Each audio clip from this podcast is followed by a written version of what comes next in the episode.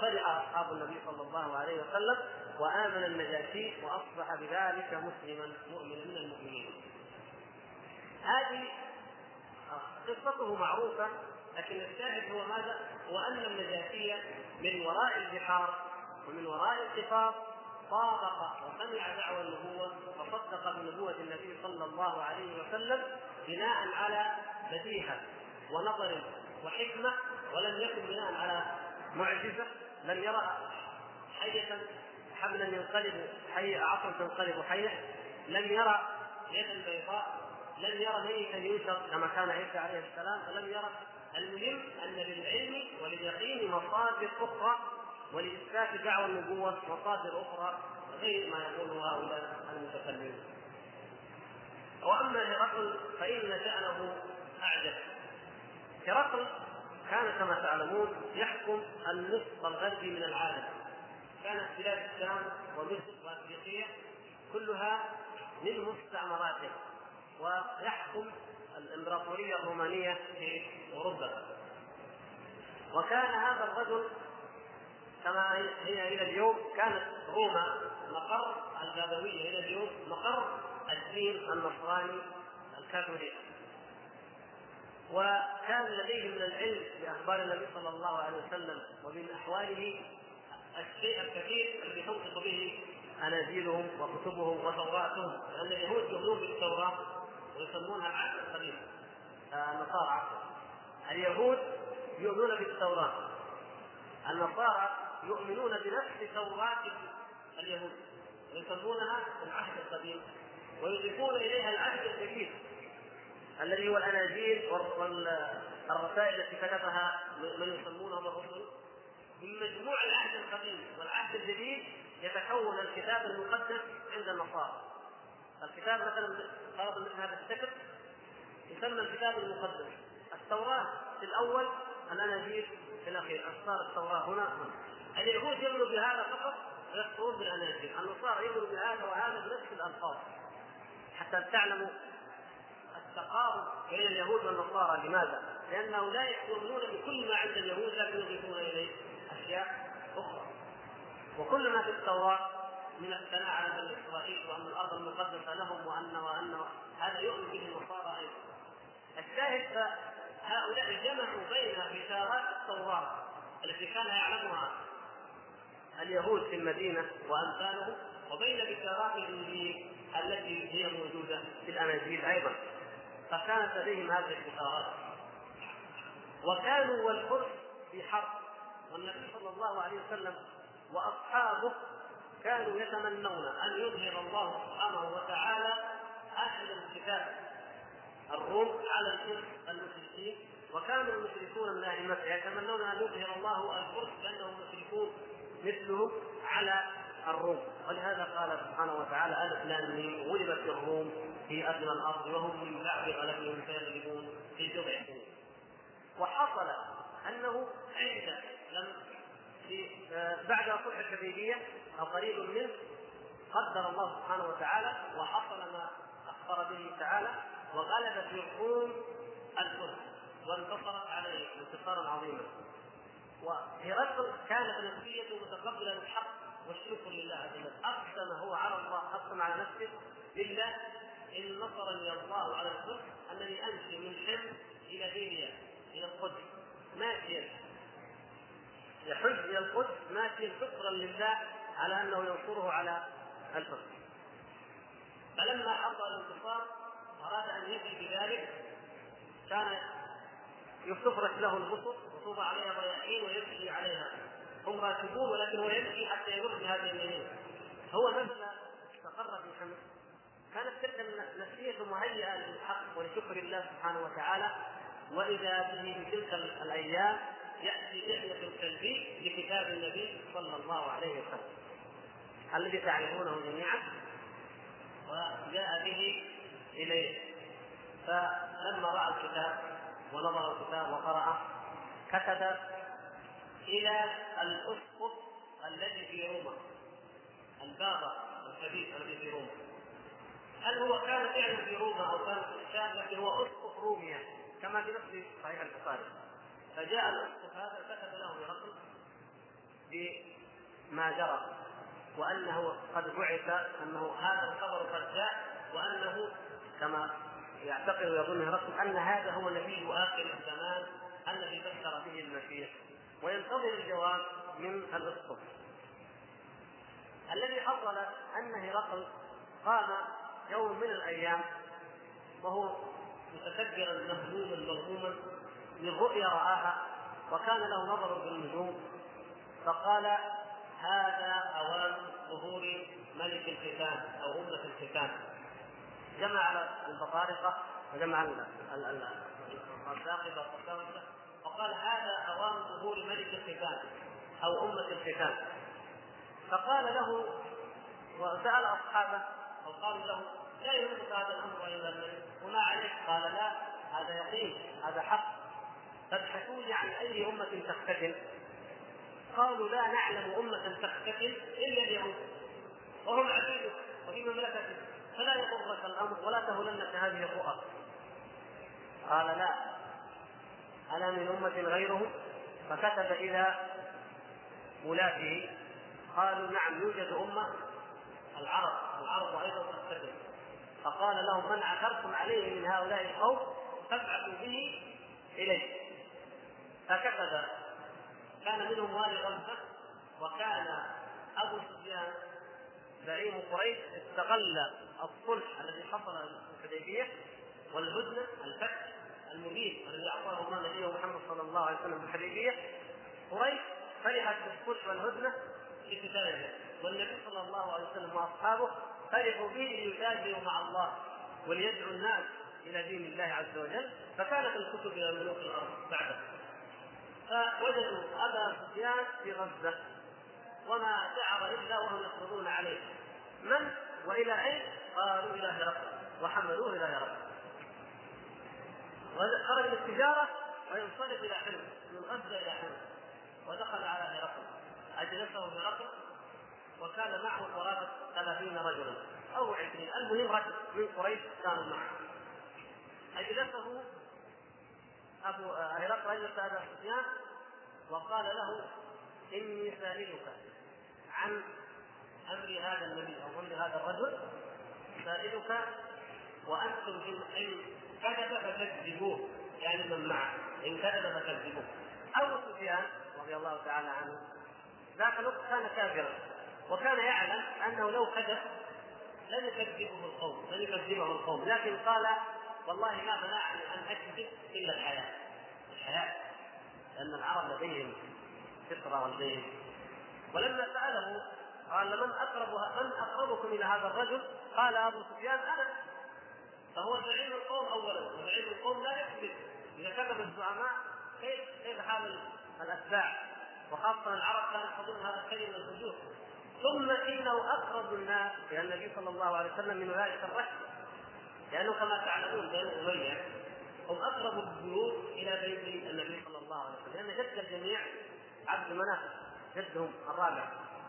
فهو يرى أنه ما الذي سيقول في نسب هذا النبي؟ ما الذي سيقول في امره؟ مسألة محيرة وهو واقع في أمر الحياة ويريد أن هذا عدو يستقبلون لكن الحياء يمنعه والقرابة تمنعه هو قد قال أنا أقرب الناس إليه فإذا لم يجيب ولم يلتزم في اجابته إلا أن يقول الحق وإلا أن يقول الصدق ثم ابتدات تلك المناظرة الفريده أكبر ملوك الأرض أكبر زعماء الدنيا صاحب الكتاب صاحب الراي صاحب الخبر الحسي الدليل النقلي الذي يملك بقايا الوحي من السماء. يسأل من؟ يسأل زعيم قريش عدو النبي صلى الله عليه وسلم التي تحاربه ليلا ونهارا وتسعى لاستئصال شافته.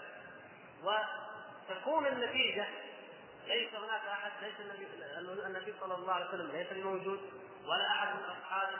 وليس للنبي صلى الله عليه وسلم سلطة لا على هذا زعيم النصر الذي من العالم ولا على هذا زعيم أعدائه ليس هناك أي سلطة ولا أي شيء يجعل أن الأمر يجعلهم يميلون أو يحابون أو يجاهدون ليس هناك احتمال أبدا لشيء من هذا. وإنما هي مناظرة تكون نتيجتها حقا كما يظن هؤلاء الناس وكما يعتقدونهم من دون أي اكراه من دون أي تأثير. خارجي على الطرفين ثم بدات الأسئلة. طبعا قبل أن نبدأ بالأسئلة ما هي الأسئلة؟ أسقط روما. هذا الذي هو الباب الأكبر. جاء بنفسه. لما جاءه الكتاب من هرقل عجب وجاء بنفسه. ودخل على هرقل وقال له هذا هو النبي الذي بشر به عيسى. هذا هو النبي. وأنا أؤمن به وأصدق. وشهد شهادة الحق. وقتل. هذا الرجل قتل فيما بعد ذلك لما أن رفض قوم هرقل الإسلام وتراجع هرقل نفسه. لكنه هو شاهد شهاده الحق وكان هذا أيضا مما يكون في عظم هرقل وفي موقفه.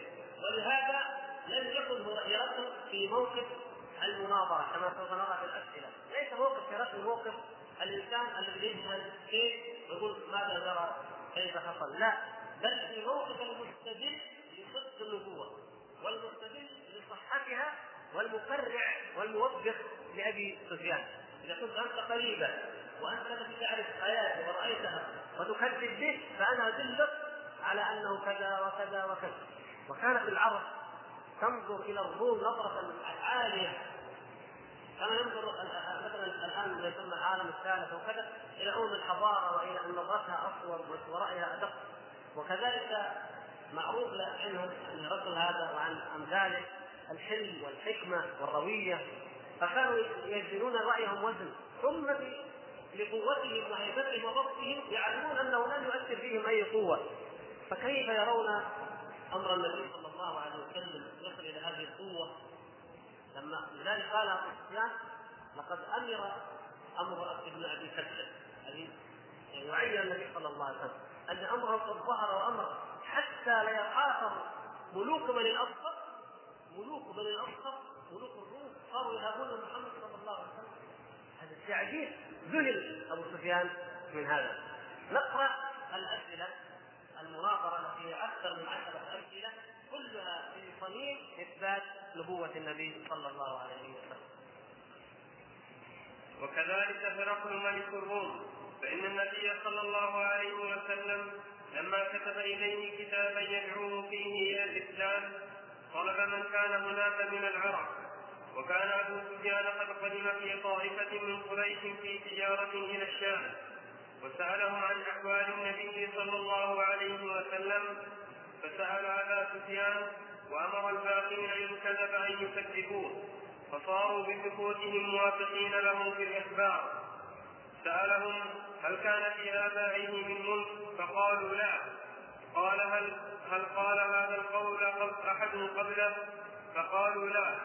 وسألهم هو ذو نسب فيكم؟ فقالوا نعم. وسألهم هل كنتم تتهمونه بالكذب قبل أن يقول ما قال؟ فقالوا لا ما جربنا عليه كذبا. وسألهم هل اتبعه ضعفاء الناس أم أشرافهم؟ فذكروا أن الضعفاء اتبعوه.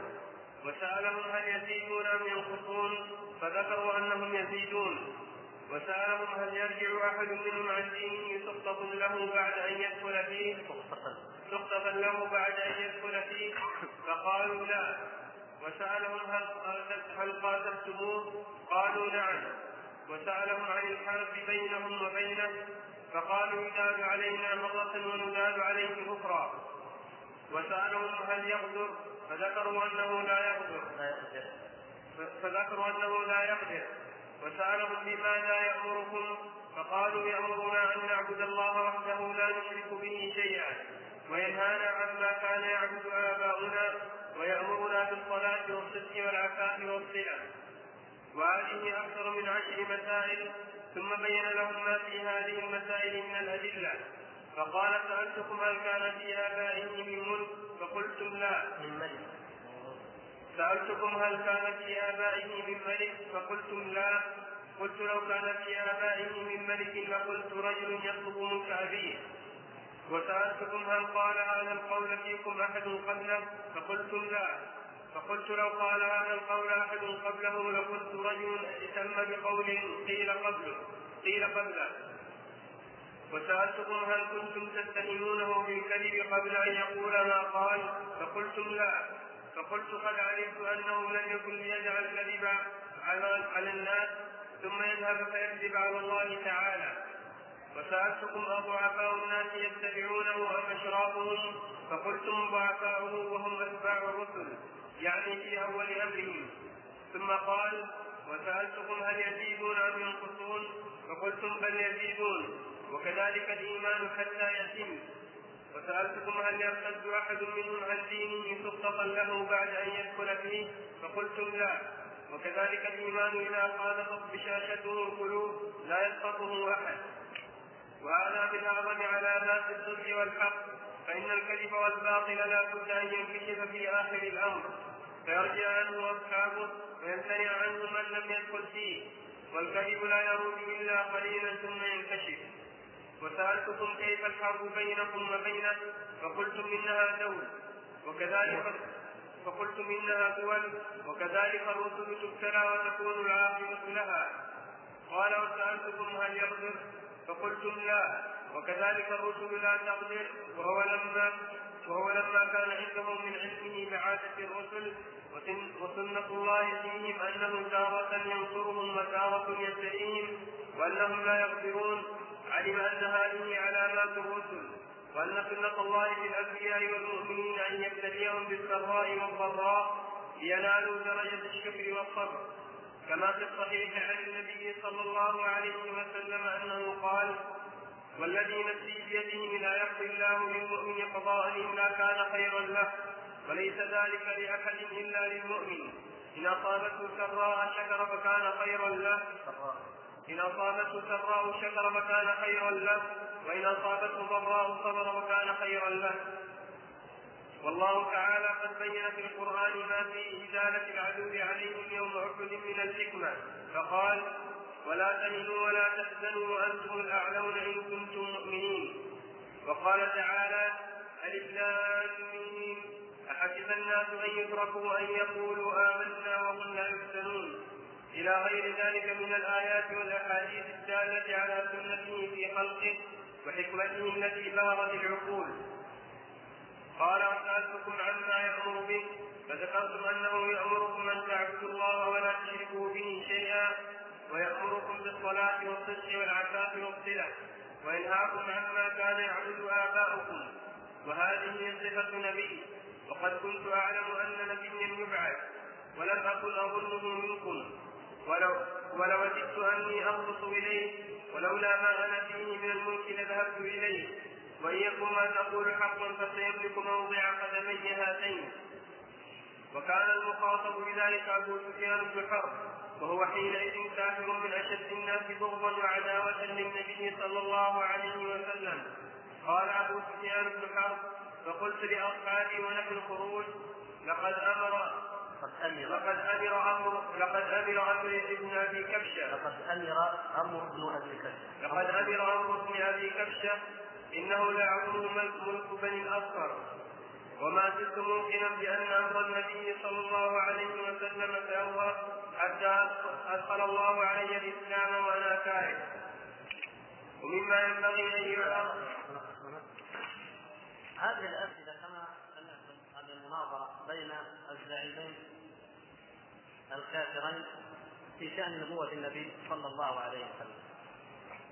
رتب يرتب الأمر جعلوا سفيان أمامه والقوم خلفه وفي إمكانهم أن يكذبوه ولو بالإشارة يتأكد من صدق أبي سفيان وابتدأ الأسئلة. أسئلة الإنسان البصير العالم الناقد الذي ينتقد خطوة خطوة حتى يصل إلى النتيجة الحاسمة المؤكدة. فبدأ يقول هل كان من آبائه من ملك؟ عادة قد يقال إن هذا يريد الملك. ولهذا قالت قريش إن كان انما يريد ملكا ملكناه. فالذي يريد أن يكون له أتباع أو كذا قد يدعي النبوة كما فعل مسيلمه كما فعل غيره يكون له أتباع يكون له شأن عند الناس. فقال هل كان من آبائه من ملك؟ فيريد أن يمشي على سنه آبائه.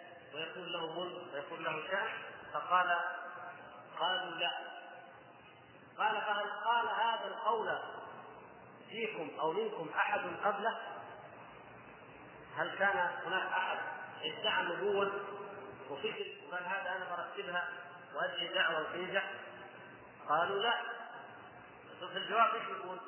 يقول هرقل لهم بعد ما سمع الجواب قال سألتكم هل كان من آبائه من ملك؟ فقلتم لا. قلت لو كان من آبائه من ملك لقلت رجل يطلب ملك أبي وسألتكم هل قال هذا القول فيكم أحد قبله؟ فقلتم لا. فقلت لو قال هذا القول أحد قبله لقلت رجل ائتم بقول قيل قبله. سمع. ناس قالوا كيف ظهر فقال أنا أيضا سأدعو وأظهر حتى يقول لي مثل ما لهم لكن لم لم يعهد في أمة العرب ما أتاهم من قبلك من نذير قال وسألهم أهو ذو نسب فيكم؟ فقالوا نعم. سألوه عن النسب. فقالوا نعم هو شريف من أشرافنا ذو نسب. وكما قلنا أبو سفيان لما لما يزكي نسبه لأنه يزكي نسبه هو لأن القرار بينهما وهذا هو الحق. فأخبره هرقل بأن الأنبياء تبعث من أشراف القوم ولا تبعث من أراضيهم. قال هرقل إذا هذا أيضا دليل على أن هذا النبي صادق. وسألهم هل كنتم تتهمونه بالكذب قبل أن يقول ما قال؟ واحد كذاب دجال فاجر أدعى النبوة له كذب؟ قالوا ما جربنا عليه كذبا قط. انظروا العقل في جواب هرقل. فقال قلت قد علمت أنه لم يكن ليجعل الكذب على الناس ثم يذهب فيكذب على الله عز وجل. ما يمكن ابدا هذا. الذي ما كذب على الناس في شيء لن يذهب ويكذب على الله ويفتري عليه ويدعي على الله عز وجل ما لم يقل. اذا فهو نبي صادق. قال وسألهم هل اتبعه الناس أم أشرافه؟ يعني في أول الأمر. قالوا بل اتبعه الضعفاء. وقال وكذلك الأنبياء لأنه يقرأ في قصص الأنبياء كما تعلمون. الملأ الذين استكبروا والملأ الذين استضعفوا. فريقان عادة أول ما يأتي أي نبي. الملأ الذين استكبروا يخافون عن المال والسلطان والجاه والمكانة فلا يؤمنون الملأ الذين استضعفوا ما عندهم شيء من الدنيا ويرون الحق واضح فيقدمون ويقبلون على الحق. لكن بعد ذلك يدخل الأشراف ويدخل غيره والنبي صلى الله عليه وسلم قد دخل معه من أشراف القوم في أول الأمر. أيضا. لكن كان المقابل كان الزعماء والكبراء ضده صلى الله عليه وسلم. لكن من الاشراف من المؤمنين من هو شريف ومنهم من هو من الموالي أو من العبيد. فهذه أيضا علامة دالة على صدق النبي صلى الله عليه وسلم واستدل بها برقم ثم سأله هل يزيد أتباعه أم ينقصون؟ لأن الإنسان يمكن يدعو أي دعوة يتبع كثير لكن يبدو يتنافسوا لانهم ظنوا به ظنون مثاليه لما خبروه وعايشوه واحد تبين إنه كذاب واحد تبين إنه في شيء واحد تبين إنه يريد مصلحة لنفسه واحد ذلك تتعارض الاهواء تتعارض الرغبات فيتراجعون عنه. وهكذا في كل دعوه يتراجع كثير يتراجع ناس فسالهم هل يتراجعون؟ هل يرتد أحد منهم خطه في هذا الدين؟ قالوا لا ما علمنا. احد قال انظروا كلام الإنسان كأنه في أعلى درجات الإيمان واليقين. قال وكذلك الإيمان. قال وكذلك الإيمان حتى يتم ثم قال وكذلك الإيمان إذا خالطت بشاشته القلوب. سبحان الله. كانه الإنسان من الأولياء المقربين لأنه يعرف هذا في الأنبياء من قبل. وكذلك الإيمان إذا خالطت بشاشته القلوب لا يحفظه أحد ولا يرتد عنه أحد. قاتلتموه؟ هل قاتلتم هذا النبي؟ قالوا نعم. قال كيف الحرب بينكم وبينه؟ قالوا دول مرة لنا ومرة له. قال هذه أيضا علامة.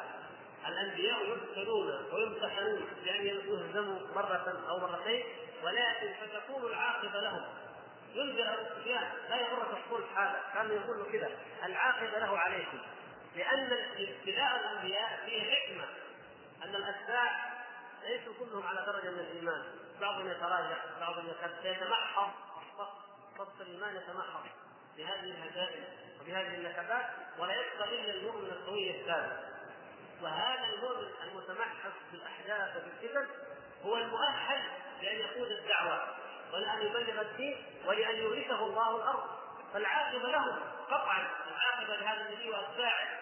لكن لو ان كل من دخل معه دخل وانتصر وذهب لدخل أصحاب الأهواء والمطالع والشهوات لكن تأتي يستشهد من يستشهد يقتل من يقتل يعذب من يعذب فينهزمون مرة وينتصرون مرة وهكذا فيتمحصون ويتربون فلا يستمر ولا يبقى ولا يثبت في هذا الدين إلا من كان حقا قوي الإيمان وصادق الإيمان ثم سألهم هل يغفر؟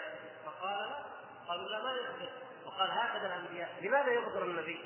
لماذا يغضب؟ لا يغضب النبي لأنه واثق من مرسل الله والا انه يأتمر بامر الله سبحانه وتعالى. ثم سألهم عن ماذا يدعوهم إليه. فقالوا يأمرنا أن نعبد الله وحده والصلاة والزكاة والعفاف وصلة الأرحام وبر الوالدين. كلها محاسن كلها فضائل تطلق عليها الفطر والعقول. فقال هذه جاء بها جميع الأنبياء. الوصايا العشر في آخر سورة الأنعام جاء بها جميع الأنبياء. اذا هذا نبي. فاستنتج هرقل من هذا كله أنه صلى الله عليه وسلم نبي حقا بلا ريب. وقال هذه العبارة التي قالها في اخر امره قال قد كنت أعلم أن نبيا يبعث ولم أكن أظنه منكم. امه حقيرة تافهه ما كان يظن منكم العرب؟ ولوددت أني أخلص اليه أذهب اليه ولولا ما أنا فيه من الملك لذهبت اليه شوف نعوذ بالله الدنيا لولا ما أنا فيه من الملك لذهبت إليه.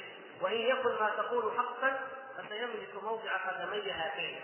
وفي رواية البخاري لم يذكرها المؤلف هنا قال وددت أنني أذهب إليه فأغسل قدميه. أغسل قدميه. وهذه العبارة يا إخوان هذه قالها المسيح عليه السلام. سأله قومه أأنت الذي يدعو إلى الله ويأتي في آخر الزمان ويقول لك ويقول ذكروا مما مما هو في التوراة. قال لا لست أنا. ذلك نبي يأتي من بعدي. ووجدت أني أدركه فأحل سيورا عليه وأغسل قدميه. عيسى عليه السلام يتمنى ذلك. وهرقل يقول نفس الكلمة التي قالها عيسى. يتمنى أنه يرى النبي صلى الله عليه وسلم فيغسل قدميه تشرفا وتبركا بغسل قدميه الشريفتين صلى الله عليه وسلم. آه نقف إلى هنا ان شاء الله نكمل بعض العبر في هذه القصة وبعد الصلاة إن شاء الله نجيب الأسئلة ونترك الفرصة لكم لتتوضأوا من أراد منكم وصلى الله. ومساكنكم. كيف تركضون إذا جاء العذاب؟ إذا جاء الزلزال مثلا أو جاء الصواعق إذا هم منا يركضون يركضوا يجرون ويترك القصور ويترك الترف لماذا تجري القصر الذي اضعت عمرك كله في بنائه وفي زخرفته وفي كذا لماذا تجري وتتركه؟ ماذا ترك وتتركه؟ ماذا لا ترجع إليه وتبقى فيه؟ يشرد ولكن أين؟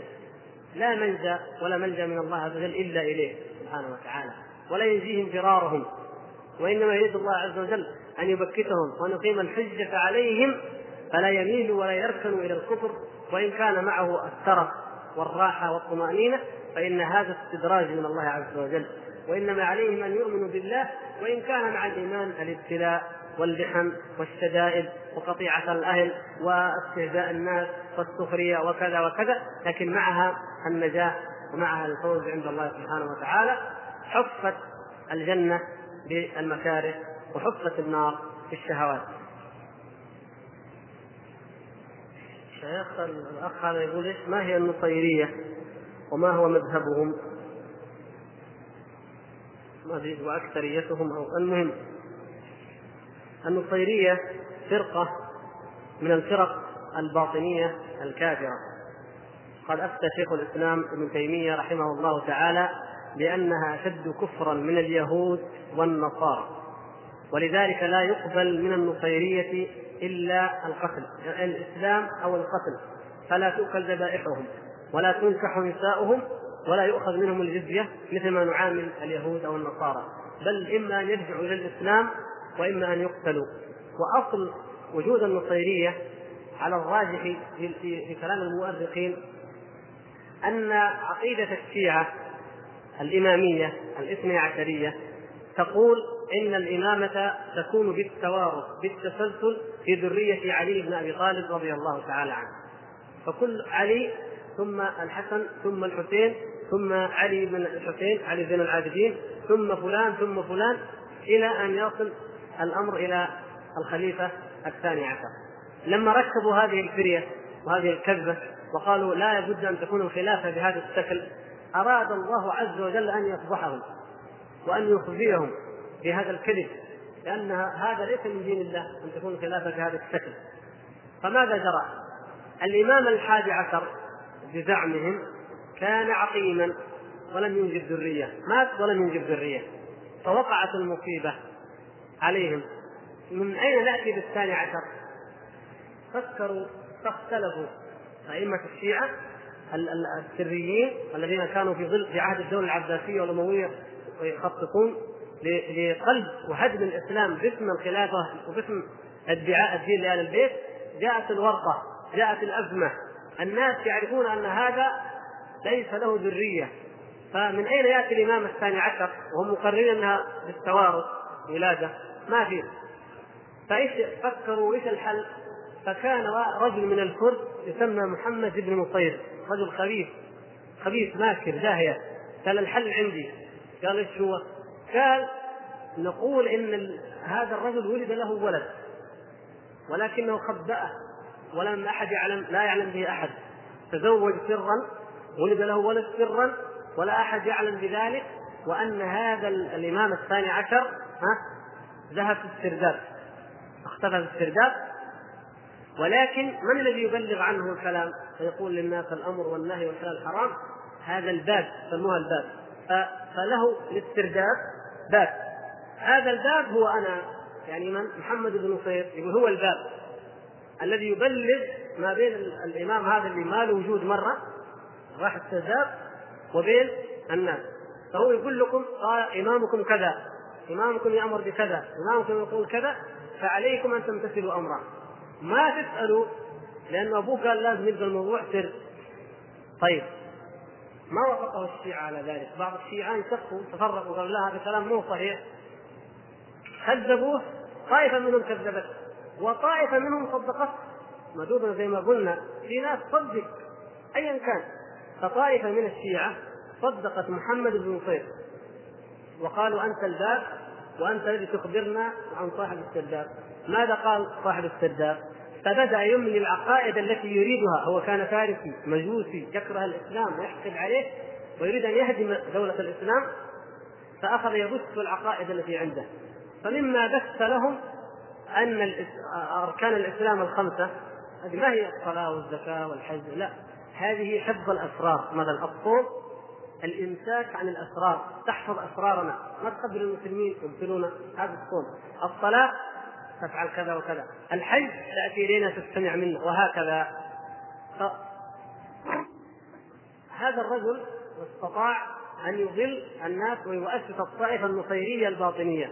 تكفر بالقرآن وتكفر بالدين كله وتبدل وتحرك في الدين ما تشاء. وهذا حالها وهذا كفرها وضلالها.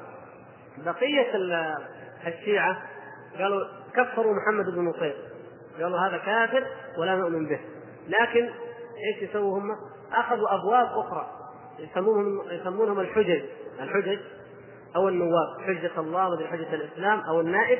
هؤلاء ينوبون عن الإمام. يعني هم حطوا أبواب غير الباب الذي هو محمد بن نصير. جعلوا أبواب من عند أنفسهم وأخذوا يشرعون من الدين شيئا آخر غير محمد بن نصير. وقعت الجفوة والعداوة بينه وبين محمد بن نصير. الجميع شيعة لكن اختلفوا وتفرقوا. وبقيت عقائدهم إلى اليوم وبقي الخلاف بينهم إلى اليوم. فالإمامية الاثنا عشرية يقولون إن الذي في السرداب هذا سيخرج. وإذا ذكروا اسمه في كتاب أو في شيء يحطوا عج عين وجيم ما أدري لاحظتم هذا ولا لا. أي كتاب من كتب الشيعة يحطون العج إيش معنى عج هذه؟ يعني عجل الله فرجه. وأحيانا يكتبوها عجل الله فرجه وسهل مخرجه لأنه محبوس في السرداب فإنه إذا خرج يدعو الله أن يعجل مخرجه ويخرج من السرداب تسع مرات ويجهزون هنالك خيول ويجهزون متاع من قديم. من كل ما يجي واحد يحطوا متاع يحطوا خيل يحطوا طعام. إذا خرج يحصل الطعام ويركب على الخيل ويخرج في الأرض. وماذا يعمل إذا خرج؟ يبعث عندهم مخلد ما هي مشكلة يعني التخليد؟ لأنه هذا إمام يعني الأخ يستغرب هل هو مخلد قاعد استرداد مخلد طبعا هو ما هو موجود يعني ما استرداد شيء. لكن على كلامهم ما في مشكلة. ليه؟ يقولون إن الأنبياء عندهم أن الأئمة حقيقة كلامهم أنهم آلهة. آلهة تماما. لا يجوع ولا يعطش ولا يحتاج إلى ما يحتاج إليه البشر. آلهة تماما. هذا دينهم يعني. مثل الآلة يعلم ما كان وما سيكون يعلم الغيب يحيي الموتى يبعث كل شيء ولذلك أنا لما أكمل القصة يتضح إيش قالوا؟ قالوا فإذا خرج هذا الذي يدعون له عز الله فرجه إذا خرج ماذا يصنع؟ يحارب اليهود؟ يحارب النصارى؟ يحارب الفجار؟ لا ما لهم عدوهم إلا المسلمين فيبعث كل من اغتصب الخلافة من علي ابتداء من أبي بكر وانتهاء بآخر ملك من ملوك المسلمين. يبعث جميع من ولي أمر المسلمين يبعثهم جميعا كل من تولى من غير الأئمة الاثنى عشر.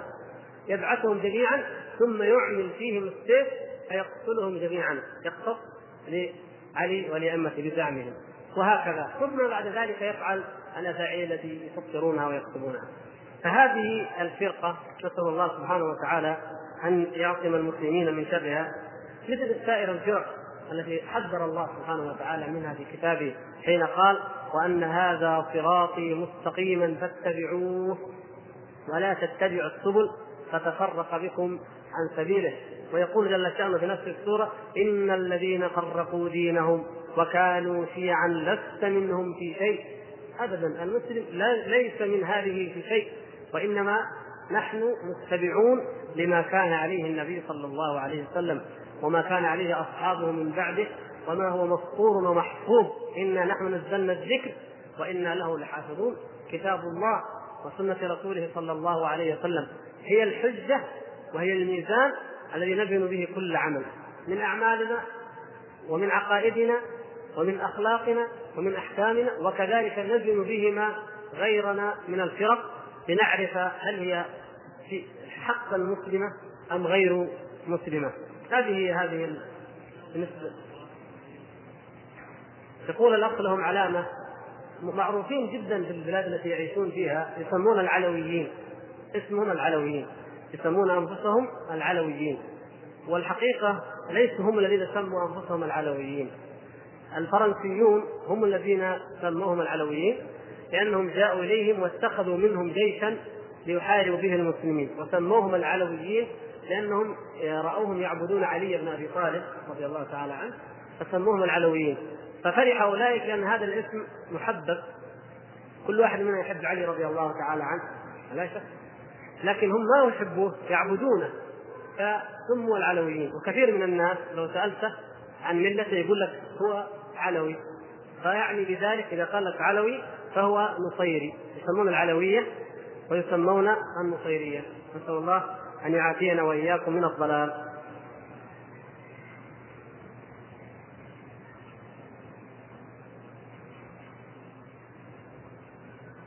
في سؤال حقيقة تكرر من بعض الإخوة قد يكون خارج عن موضوعنا لكن لا بأس أن نوصي عليه. شيء من ال... يعني أنه نشر في بعض الصحف تنقيص واتهام وكذا. طبعا صحف خارج المملكة ليست في المملكة صحف تتهم وتنقص بعض علماء الحديث من المسلمين تتهمهم بالضلال تتهمهم بكذا. نحن يا إخوان ما نستغرب لأنه كما قلنا في الآية التي ذكرنا الله سبحانه وتعالى يقول وكذلك جعلنا لكل نبي عدوا. فلكل نبي عدو ولكل من يتبع الأنبياء عدو. وبعض الصحف هذه لا لم تقتصر في الجرأة على فلان من العلماء وإنما تجرأت حتى على رسول الله صلى الله عليه وسلم. تذكرون قبل فترة أن إحدى الصحف في بعض الدول نشرت صورة والعياذ بالله ديك وعنده تسعة دجاج وقالت محمد وزوجاته نسأل الله العافية. وصارت ضجة وقام العلماء في ذلك البلد وحوكمت الصحيفة ومن كتب. المهم إنه وصلت الجرأة إلى أن يعلنوا هذا حتى لو قتل هذا الرجل لكن وصلت به الجرأة أن يفعل ذلك. فمن يهاجم الرسول صلى الله عليه وسلم ومن يهاجم الحجاب ومن يهاجم شرائع الإسلام الواضحة والصريحة لا نستغرب أن يهاجم أحد علماء الإسلام. لأنه مثل ما قلنا في في أعداء الإسلام من الزنادقة، الزنادقة من أعداء الإسلام لما أرادوا أن يطعنوا في الاسلام ما يقدروا يقولوا القرآن كذب الحديث كذب. لو قالوا هذا قتلوهم العوام يقتلهم البادية الجهال. لكن جو قالوا فلان الراوي كذاب فلان الصحابي كذاب فلان كذا فلان. فإذا استقر عند الناس أنه كذاب قالوا طيب هو يقول قال رسول الله هو يقول قال الله. فما قاله كذب إذا إذا ما دام أنت اعتقدت صدقت أنه كاذب. فالكلام اللي يقوله غير مقبول لا نأخذ ديننا عن الكذابين. فالطعن في العلماء ابتداء من الصحابة رضوان الله تعالى عليهم وانتهاء بعلمائنا الاجلاء في هذا العصر. الطعن فيهم طعن في الدين طعن في صميم الدين لأن هذا هو الغرض هذا هو الغرض الذي يريد أن يحققوه من بعيد. ولهذا يجب علينا ومن ديننا أن نجل علماءنا وأن نحترمهم وأن نقدرهم وأن نرجع إليهم في الفتوى وفي العلم. نحن لا نقول إن احدا معصوم ولا نقول إن أحدا يطاع في كل قول غير الرسول صلى الله عليه وسلم ولكن لا بد أن نقدر كل ذي حق وكل ذي قدر. الإنسان منا لو مشى في الشارع ووجد إنسان أكبر منه في العمر يقدمه في الطريق يأخذ بيده يقدمه في عند الطعام لأنه أكبر منه فكيف من هو أكبر منا علما؟ فيجب أن نحترم علماءنا ويجب أن نذب عن علمائنا لأن من ذب عن عرض أخيه ذب الله عنه النار يوم القيامة. من ذب عن عرض أخيه. أي أخ لك يطعن فيك فلان كان في زميل لك طيب تعرفه؟ قال هذا كذاب. يرتشي يخون. لا لا يجوز أن تسكت تقول لا يا أخي هذا إنسان كذا وكذا وكذا. فمن طعن في العلماء فهذا يجب أن يذب عن أعراض العلماء وأن يقال له ما فيهم. فهذا الشيخ الذي تكلموا فيه من أفاضل العلماء. وهو من المجددين للإسلام نسأل الله سبحانه وتعالى أن ينفع المسلمين بعلمه. ولا يضره أن بعض الصحف تكلمت فيه. أنا حبيت أقول هذا لأنه تكرر السؤال عنه وإلا فالقضية خارجة عن موضوعنا. لكن ليس هناك غرابة في هذا الأمر أيها الإخوان وإنما لا بد من الصبر. أيضا موضوع الحجاب. كثير من الإخوان آه، سألوا عن ما نشر أيضا عن الحجاب في بعض الجرائد التي أيضا خارج المملكة وكذا. الكلام عن الحجاب وعن كشف الوجه هذه آه، فصلت أحكامه رسائل العلماء. شيخ الإسلام ابن تيمية تكلم عن الحجاب. آه، رسالة الحجاب للشيخ محمد بن صالح بن عثيمين نقض ورد فيها على كل الأدلة التي يقولون فيها أن المرأة يجوز لها أن تكشف وجهها. وأنا أعطيكم دليل بسيط جدا ممكن كل واحد منا يفهمه ببساطة أو يخليه في ذهنه في مخيلته. الله سبحانه وتعالى في القرآن عدد من يجوز للمرأة أن تضع زينتها أمامهم. عددها آبائهن أو أبنائهن أو آباء بعولتهن إلى آخر الآية. طيب لما يعدد الله سبحانه وتعالى شيء يقول له ها؟ المقصود انها تكشف صدرها وتكشف شعرها عن هؤلاء مقصود الوجه. طيب من عداهم اذا هؤلاء يجوز لهم أن يروها وتراهم. من عدا هؤلاء المذكورين؟ ما يجوز يروا شعرها؟ ما يجوز يروا فخذها لا. ما يجوز يروا الوجه. فلاحظتم؟ فلو أن كل إنسان يرى الوجه لم يكن هناك من داعي لأن يحدد الله سبحانه وتعالى الذين يرون المرأة والذين تستقبلهم وتجلس معهم. كان يقول كل الناس يرون يعني كل خلاص فما ما لماذا تحدد؟ لماذا تقيد؟ لو فكرنا لوجدنا أن هذا التحديد إنما هو في المرء في الوجه أما رؤية مثلا الفخذ أو الصدر أو كذا فإن الإنسان لا يجوز له أن يراه حتى ممن يجوز له أن يطلع عليها بل النفوس المؤمنة تعرف ذلك حتى لو كانت أخت الإنسان ما يقدر يراها ما يحب يرى هذا ابدا ولا يطيقه هل هذا هو الذي اباحه الله؟ يعني هل أباح الله أن الأجانب في الشارع يروا الوجه وأنت يجوز لك ترى غير ذلك يعني باقي الجسد؟ هل يمكن يكون هذا؟ لا يمكن.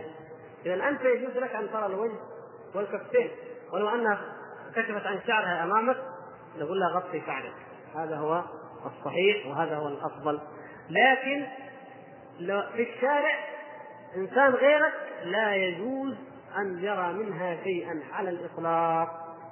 وانظروا الأدلة كثيرة. انظروا إلى أصحاب الصحابيات في عهد النبي صلى الله عليه وسلم وكن يخرجن وكأنهن الغربان إلى المسجد ومع ذلك صلاة المرأة في بيتها أفضل من صلاتها في المسجد كما قال النبي صلى الله عليه وسلم. وصلاتها في قعر بيتها أفضل من صلاتها في مسجد بيتها. يعني لو كان العائلة الأسرة كبيرة مثلا. وفي مسجد غرفة في مسجد البيت مسجد البيت في البيت غرفة يصلي فيها النساء. صلاتها في غرفتها الخاصة أفضل من صلاتها في مسجد بيتها. وصلاتها في البيت أفضل من صلاتها في المسجد. وهي تأتي المسجد وهي كأنها الغراب. فمن الذي يقول إن الإسلام يبيح كشف الوجه؟ قضية طويلة يا إخوان لكن الغرض ليس الأدلة. هؤلاء الناس لم ينظروا على الأدلة باطلاق ولا يهمهم الدليل على الإطلاق. هدامون يريدون أن يخرجوا المرأة المسلمة من العفاف ويبرزوها لأنهم يعلمون أنه ما بعد كشف الوجه إلا كشف كل شيء. المرأة إذا تعودت أن يرى الرجال وجهها لا تبالي أن يقص الغطاء فوق رأسها أو أن ترتفع العباء إلى إلى ساقها أبدا. هي تعرف بالفطرة أن الوجه أهم من الساق. ولذلك تجدون أحيانا هذه المتناقضات تغطي الوجه ويكون الذراع مكشوف هذا متناقض طبعا لكن هي تشعر إنه الوجه هو المحرم بالأساس. بينما الذراع حرام والصلاة في الذراع غير جائزة والذراع مكشوفه والرجل لكن هي تدري إنه أهم شيء الوجه. فإذا فرطت في أهم شيء فلن تبالي بعد ذلك بما أضاعت. أبدا. المرأة التي تعودت أنها تسلم السواق والخياط وصاحب الدكان وكذا وكذا حتى وهي محجبة لا يرى منها شيء تشعر فيها تشعر التبرج في حركاتها في مشيتها في كلامها. تكلم عادي لكن انظر المرأة التي فعلا تلتزم بالحجاب. لأن الحجاب يا إخوان كما تعلمون الحجاب ما هو مجرد شيء أسود على الوجه. الحجاب التزام حتى في القول. يقول الله تعالى لأزواج النبي صلى الله عليه وسلم فلا تخضعن بالقول. فيطمع الذي في قلبه مرض. حتى لو بالتليفون حتى من وراء الباب ما تخضع بالقول هذا من الحجاب. فأقول المرأة التي تلتزم الحجاب فعلا لو اضطرت أن تكلم رجل حتى في التليفون لتقول موجود أو غير موجود ترتجي وهو يمكن يكلم من أمريكا وتقول له بس ما هو موجود. لأن تشعر ان أن هذا موقف ما يليق بها. لكن التي تخاطب الرجال حتى لو على وجه غطاء تخاطبهم تعود تمشي هذا نوع من التبرج حتى مع وجود الغطاء. فما بالك إذا خلعت الغطاء؟ وأصبحت تكلم كل أحد تنظر إلى كل أحد وتفعل ما تشاء. ماذا بقي من الحياء بعد ذلك؟ فنقول أيها الإخوة أن هذه المسألة أصلها الهدم وليس أصلها الدليل. ولذلك انظروا إلى اللي كتبوا زي ما قال اللي كتبوا في هذه القبس اللي جابوها بعض الإخوان الحلقة الماضيه جريده القبس جريده ما أدري إيش. اللي كتبوا هذا الموضوع هم علماء علماء فلان الفنجري من هو الفنجري هذا؟ شيخ الإسلام الفنجري هذا؟ من هو الفنجري؟ من يستفتي الفنجري؟ ليش ما يكون عندنا عقول نميز؟ إذا واحد منا مرض يروح عند سمكري ميكانيكي مجنون هذا تذهب إلى الطبيب لماذا نسأل عن الحجاب الفنجري مسكين الفنجري هذا يتكلم عن الاقتصاد والمحاسبة ومدري إيش. ممكن ينزل على خير هذا الكلام. لكن يدخل في ديننا يقول لا أنا أقفل باب النقاش. كذا من أنت حتى تفتح الباب ومن أنت حتى تقفل الباب في موضوع لا علاقة له به ولا ناقة لك ولا جمع. كنتم فيكم إخوة أطباء. ترضوا واحد منكم واحد من الأطباء. في واحد يرضى أن يقوم واحد جاهل ولا عامل. ولا خوال. يكتب نظرية في الطب وتقوم الجريده من جريدة ينشر مقابلة معاه عن الطب. صدقوا يا إخوان كل الناس تستنكر وتطالب وزارة الصحة بانها تعاقب هذا. وفعلا هذا شيء طيب هذا صحيح. لكن لماذا يكون اهتمامنا بديننا أضعف واهتمامنا ضعيف أو مفقود واهتمامنا بأجسادنا أو بتخصصاتنا أقوى وأهم من ديننا؟ ما يجوز هذا. لازم نستشعر هذا الخطر. هذا دين الله سبحانه وتعالى أمرنا أن نتثبت. لو عندي اثنين من العلماء اثنان علماء اجلاء لا ما يجوز لي أن أسأل المفضول وأترك الفاضل. شوف لأن دينك تحرك اسأل الأعلم والأفضل. فكيف في دينك ترضى أن أي واحد أي واحد يتكلم؟ أي إنسان يتكلم في الحجاب أي إنسان يتكلم عن تعدد الزوجات؟ سبحان الله بعض الصحابيين الله يهدينا وإياهم. لازم يذكروا بالله عز وجل إن كان فيهم بقية. معقول؟ اجري مقابلة مع شايب عمره 80 سنة. ما رأيك في تعدد الزوجات؟ اجري مقابلة مع عامل ما رأيك في تعدد الزوجات؟ اجري مقابلة مع خوال ما رأيك في تعدد الزوجات؟ سبحان الله. يا إخوان ألا نتقي الله عز وجل؟ شيء في كتاب الله بين أيدينا. الحمد لله عندنا الأطفال آلاف أطفال صغار يحفظوا كتاب الله. يحفظوا الآيات في التعدد لغيره ليش نقعد كل عامل كل بقال كل سايب كل صغير كل كبير نسال عن هذا الموضوع؟ ما رأيك الحب قبل الزواج ولا الزواج قبل أعوذ بالله. كلام هذا يقال بين المسلمين. الحب إن كان المودة وإن كان نعم يجب أن يكون الحب ولا يكون الزواج إلا عن حب. ما في شك. لكن ما الحب في مفهومه ما هو هذا. فلان يمارس الحب مو معناه أنه يحب واحد أو يحب واحدة. لا يعني يفعل الفاحشة. يسموها حبا. يشربون الخمر يسمونها بغير اسمها كما قال النبي صلى الله عليه وسلم. وكل موبقة ترتكب تسمى بغير اسمها إحنا الليلة الصحفيين طلعونا برا شوي. لكن الله يهدينا وإياهم. لازم إن شاء الله نحرص أن نبين لهم الحق. وأنا اطمن الإخوان أن هذه الجرائد قد كتب عليها إلى سماحة الشيخ عبد العزيز بن باز. وهو الذي سيتولى الأمر وهو الأهل لأن يكتب في, في إذا رأى المصلحة أن يكتب إلى هذه الجرائد أو لا يكتب. هذا شيء يرجع إليه.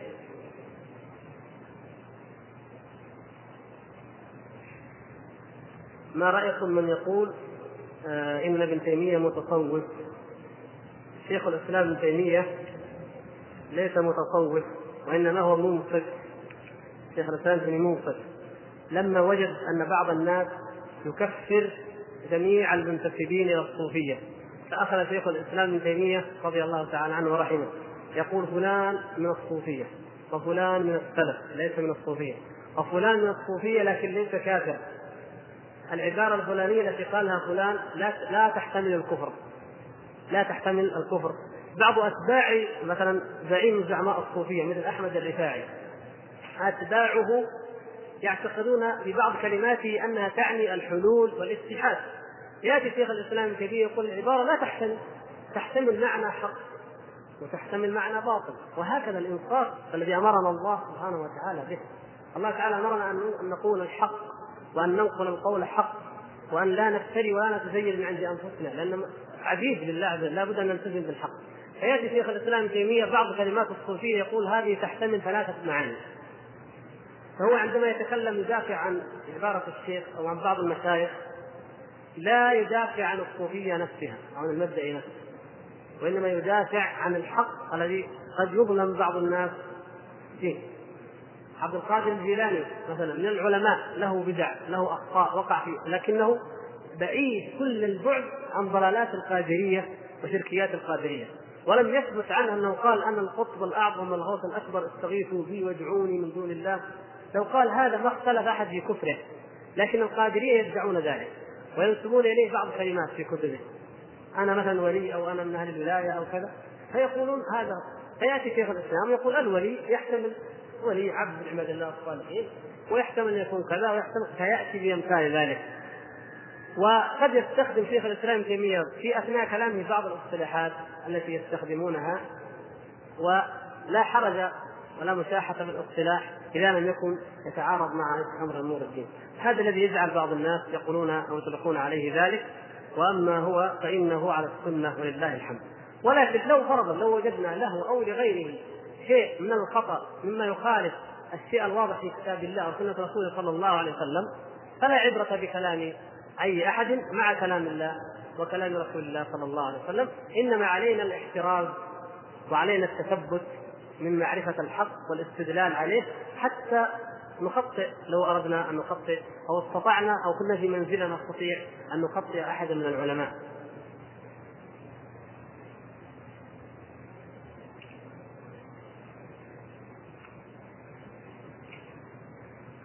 سمعت من أحد العلماء ما يأتي؟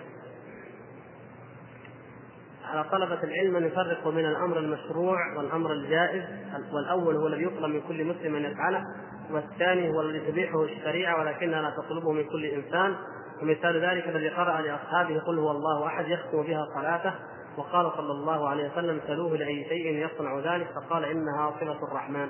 ومع ذلك لم يكن من هدي الرسول صلى الله عليه وسلم أن يختم صلاته بها. وما علاقة هذا بالنوع الثالث من السنة وهو الإقرار. جزاكم الله خيرا. هذا الكلام صحيح. كلام صحيح. أنه هناك فرق بين الشيء الجائز وبين الشيء المشروع.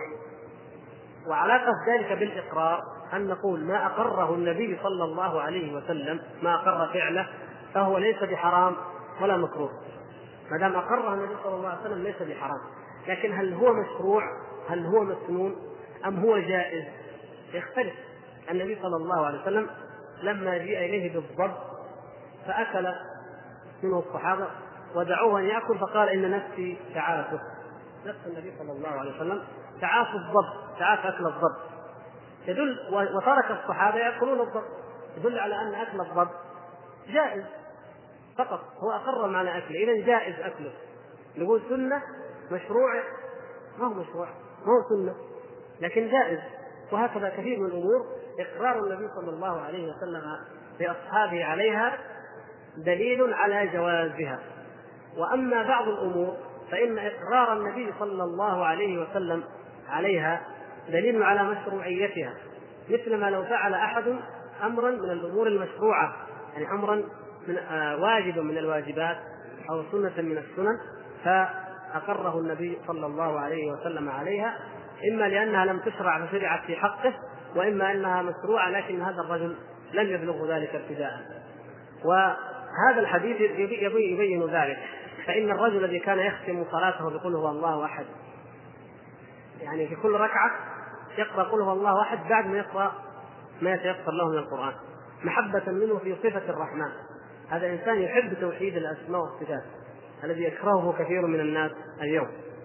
هذا الرجل أقره النبي صلى الله عليه وسلم. هل من سنته صلى الله عليه وسلم إن نقرأ بعد الصلاة قل هو الله أحد؟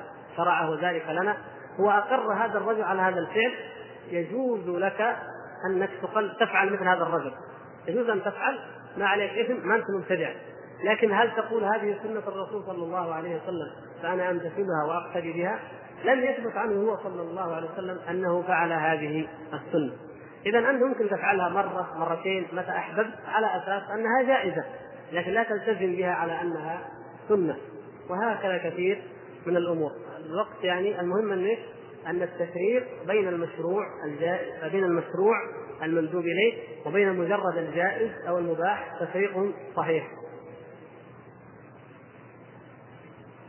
موضوع الحجاب ناخره لأنه ما قضيه ما تحتمل أن نتكلم عن الحجاب وقد تكلم عنه العلماء وأنا قلت لكم رسالة الحجاب للشيخ محمد بن صالح بن عثيمين إن شاء الله تكفي في الموضوع فلا مؤاخذة. وأيضا هذا السؤال أجبنا عليه في الدرس الماضي أن ابن القيم قال إذا كان إذا زادت اللحية أطول إذا كانت أطول من قبض أربع أو خمس أصابع تجعل صاحبها كذا هم أو أنه يجوز الأخذ منها. هذا لا يجوز الأخذ من اللحية لأي حال من الأحوال.